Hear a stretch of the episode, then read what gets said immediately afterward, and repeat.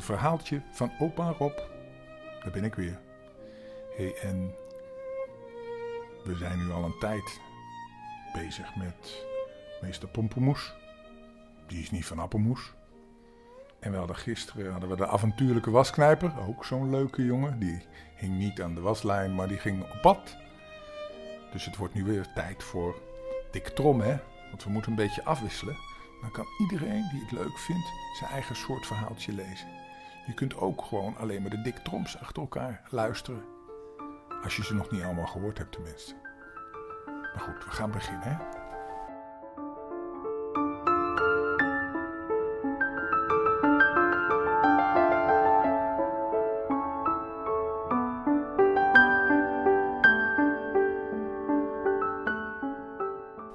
Ben je weer zover?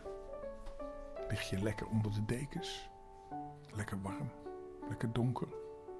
Even samen verzinnen? Ja? Dik hè, Dik Trom. Ja, dat was een jongen die in een dorpje woonde, al een hele tijd geleden. En die haalde daar kattenkwijt uit, maar hij was zo dik. En hij had van die kromme beentjes, kan niet hard lopen. Hij loopt op klompen altijd, hè, weet je? Nou, we beginnen met een verhaaltje hoe Dick de heks voorthielp. Dick zal ongeveer 16 jaar oud geweest zijn toen hij op een gure novemberdag het huisje van de heks voorbij moest. Het was vinnig koud. Weten jullie nog dat hij in het verleden ook bij de heks geweest is op de achterweg? Eigenlijk was dat een gewoon een lieve mevrouw die een zieke man had. En toen heeft hij iets lekkers naar ze gebracht. Kan je dat nog herinneren? Nou, volgens mij is deze heks. Het was vinnig koud. De wind guurde over de vlakte. Nee, de wind gierde over de vlakte. En joeg grote sneeuwvlokken in zijn gelaat.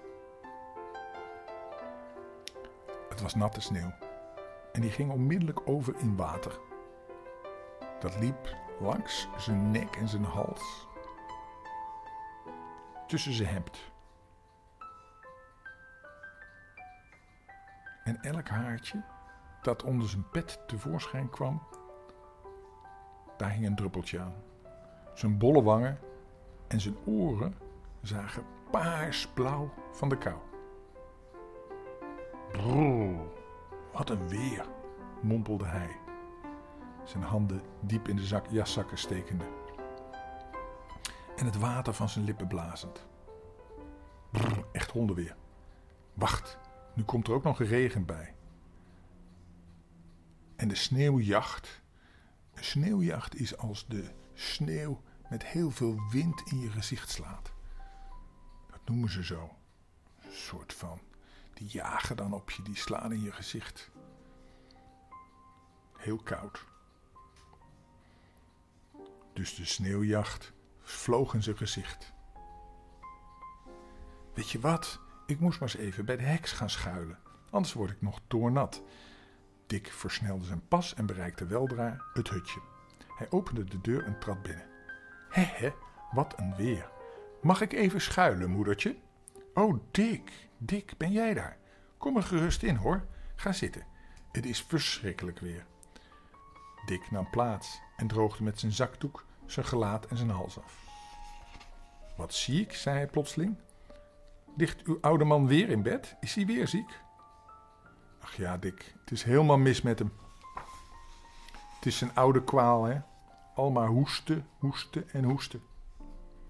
Zo, zo. Hoe lang ligt hij er al? Nou, dat wordt morgen vijf weken, Dick. Ja, ja, het is een bedroefde tijd. De oude vrouw wendde het hoofd af en veegde zich een traan uit de ogen. Dick keek haar vol medelijden aan. Arme ziel, dacht hij. Dan zal ze wel niet, niet breed zitten, denk ik. Daar bedoelde hij mee dat ze niet veel geld had. Armoe, Dick, armoe. Niks anders dan armoe en ellende. In vijf weken hebben we al geen cent ontvangen. En als er geen hulp komt, weet ik niet waar het belanden moet. O Dick, het is verschrikkelijk. Ja, zeg dat wel. Het is verschrikkelijk. Waarom, waarom vraag je niet eens aan iemand hulp? Er wonen toch mensen genoeg in het dorp die wel wat missen kunnen? heb je bijvoorbeeld Mulder. die alleen is al rijk genoeg om. Uh, Mulder, riep de oude vrouw. Mulder, praat me niet van Mulder, want die kent geen medelijden. Het is mijn eigen huisbaas en vanmiddag is hij nog hier geweest om de huur van vijf weken op te halen. Maar ik kon hem onmogelijk betalen en heb hem om uitstel gevraagd met de belofte dat we, willen, dat we zullen betalen zo gauw we weer wat verdienen kunnen. Maar hij wil van geen uitstel weten en morgen moeten we het huisje verlaten. Het is verschrikkelijk. Dick, met die zieke man, en ik weet nog niet eens waar ik hem moet, brengen moet, 35 jaar hebben we hier gewoond. De oude vrouw begon te snikken. Moeten jullie huilen? Moeten jullie je huis uit? Vroeg Dick. Ja, dat is toch ook verschrikkelijk. Met een zieke man. Schandelijk. Dat mag niet gebeuren. Hoeveel geld moet hij hebben? Nou, we betalen 90 cent in de week. Dus dat is 4,5 gulden. In het geheel. Het is geen grote som geld, Dick. Maar als je zelf niets hebt. Ik heb geen 4,5 cent in huis. Hier, pak aan, zei Dick. Haar enig kopergeld toestoppend. Het is wel niet veel, maar ik heb niet meer. En als? Dankjewel, Dick. Als alle mensen waren zoals jij. Stil, niet danken alsjeblieft. Ik zal zien wat ik voor je kan doen. In elk geval, die huishuur zal wel terechtkomen. Bekommer je daar maar niet over. En nu ga ik verder. De regen is wat minder geworden. Dick vertrok en toen hij s'avonds zijn werk klaar was, liep hij het dorp in en ging naar Piet van Dril, die in de smederij aan het werk was. Piet, ik heb een wijde ijzeren of lode pijp nodig, met een bocht erin. Heb je er een voor mij te leen? Tot vanavond? Is een kachelpijp goed? Hier heb je er een met een elleboog. Wat moet je ermee doen? Of is dat geheim? Nee, Piet, voor jou is niks geheim, maar voor anderen wel. Voor jou niet, omdat je me helpen moet, weet je. Die kachelpijp staat me wel aan, daar zal het wel mee lukken. Nu, wat gaan we doen? vroeg Piet, nieuwsgierig. Een grap? Nou ja, zo ongeveer. Luister, ik zal je vertellen. Je kent toch de heks van de achterweg? Nou en of. Ik weet nog wel hoe we daar jaren geleden eens op een avond naar haar huisje gegaan zijn om haar bang te maken. En wat waren we toch eigenlijk zelf bang, hè? Nu, ik geloof dat er nog wel grote mensen bang zijn voor haar. Want nog steeds staat ze niet in een goed blaadje. Niet? Nee. Niet dat ik het nog ben, volstrekt niet hoor. Ik geloof zulke praatjes niet meer. Maar er zijn nog veel domme mensen die ze wel geloven. Juist, Piet, dat denk ik ook. En ik wil er vanavond de proef eens meenemen. Die arme vrouw leidt tegenwoordig weer vreselijke armoede. Het is ten eerste al winter, dus valt er weinig te verdienen. En bovendien is de oude Willem nu al vijf weken ziek. Nou, dan hoef je niet te vragen hoe het met hem gesteld is. En tot overmaat van ramp komt daar die oude Mulder, die vrek, om de huishuur. En nu ze niet betalen kan, moet ze morgen met haar oude zieke man het huis uit. Dat is toch heel oneerlijk en onbarmhartig. Dat is het, zei Piet verontwaardigd. Die vrek. Wie weet hoeveel geld hij heeft en zulke arme mensen bij ziekte en kou op straat zetten? Foei, het is onmenselijk. Juist ja, zei Dick. Maar het zal niet gebeuren, Piet. Ik heb al dikwijls horen vertellen dat hij erg bang van aard is. Dat betekent eigenlijk dat hij zegt: als je bang van aard bent, dan ben je een bangerik. Ben je overal bang voor. Vooral s'avonds. En op de heks heeft hij het in ieder geval niet begrepen. Nu ben ik van plan om hem vanavond zo bang te maken dat hij het niet zal durven wagen om haar morgen haar huis uit te zetten. Maar welk plan heb je dan, Dick? Ik ga vanavond voor heks spelen, Piet. En als jij me helpt, zal hem het lachen wel vergaan. Doe je het? Goed zo, ik doe mee, dat beloof ik. Mulder woonde in een van de kleinste huisjes van het dorp.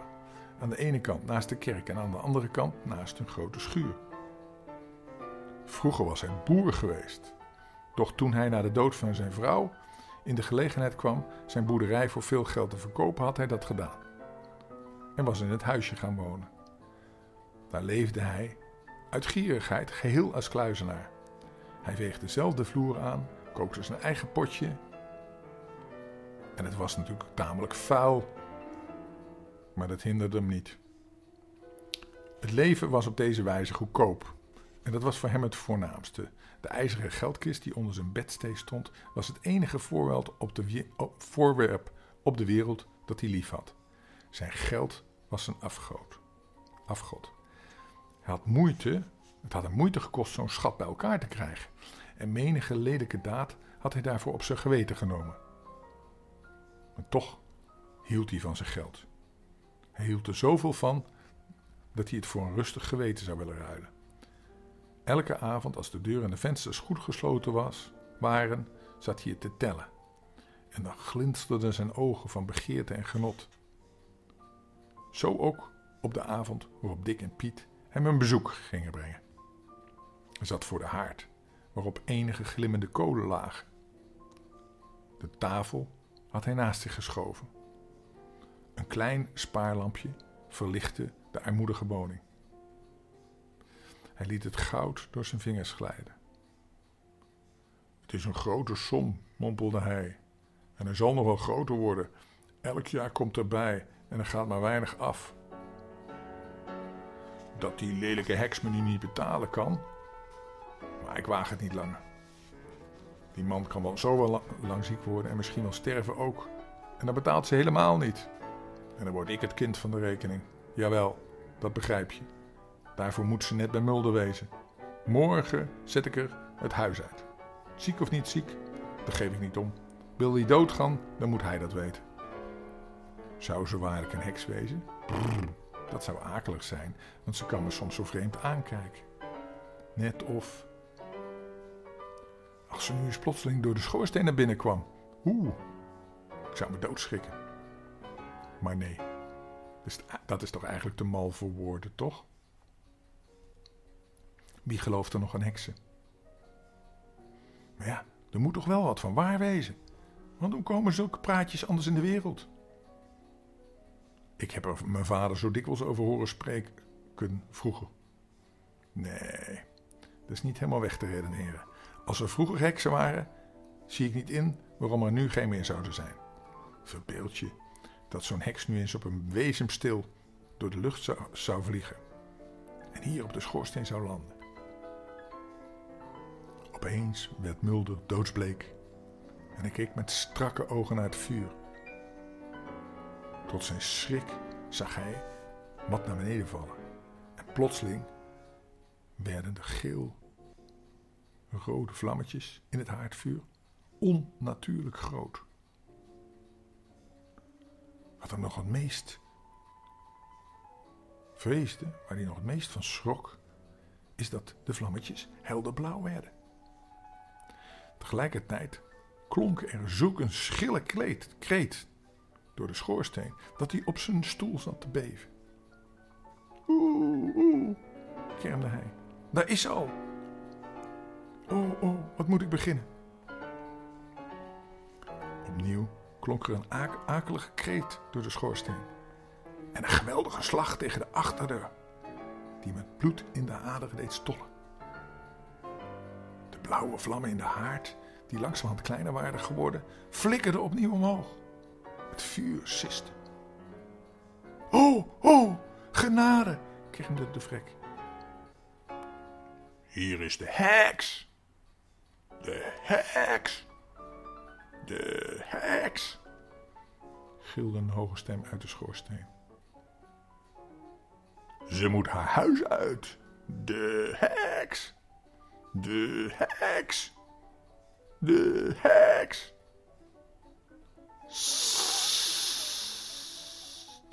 Siste het. En u zag ook de vlammen groen. Vreselijk, kermde Mulder. Oh, wat zal me nu overkomen?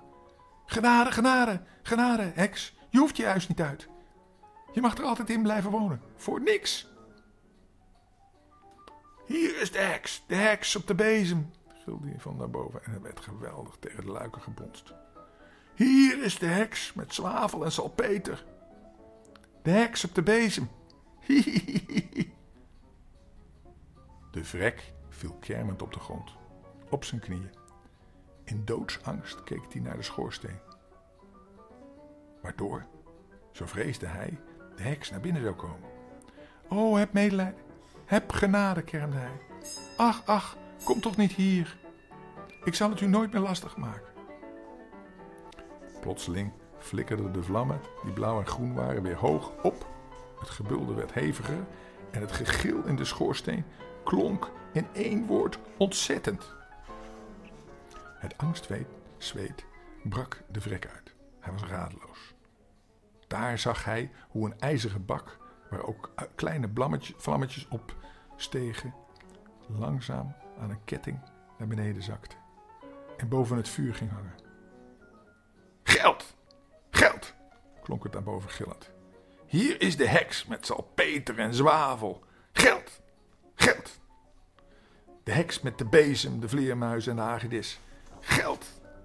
Geld! O, geld, kermde de gierigaard met een wanhopige blik op zijn schat. Ook dat nog. Genade, genade.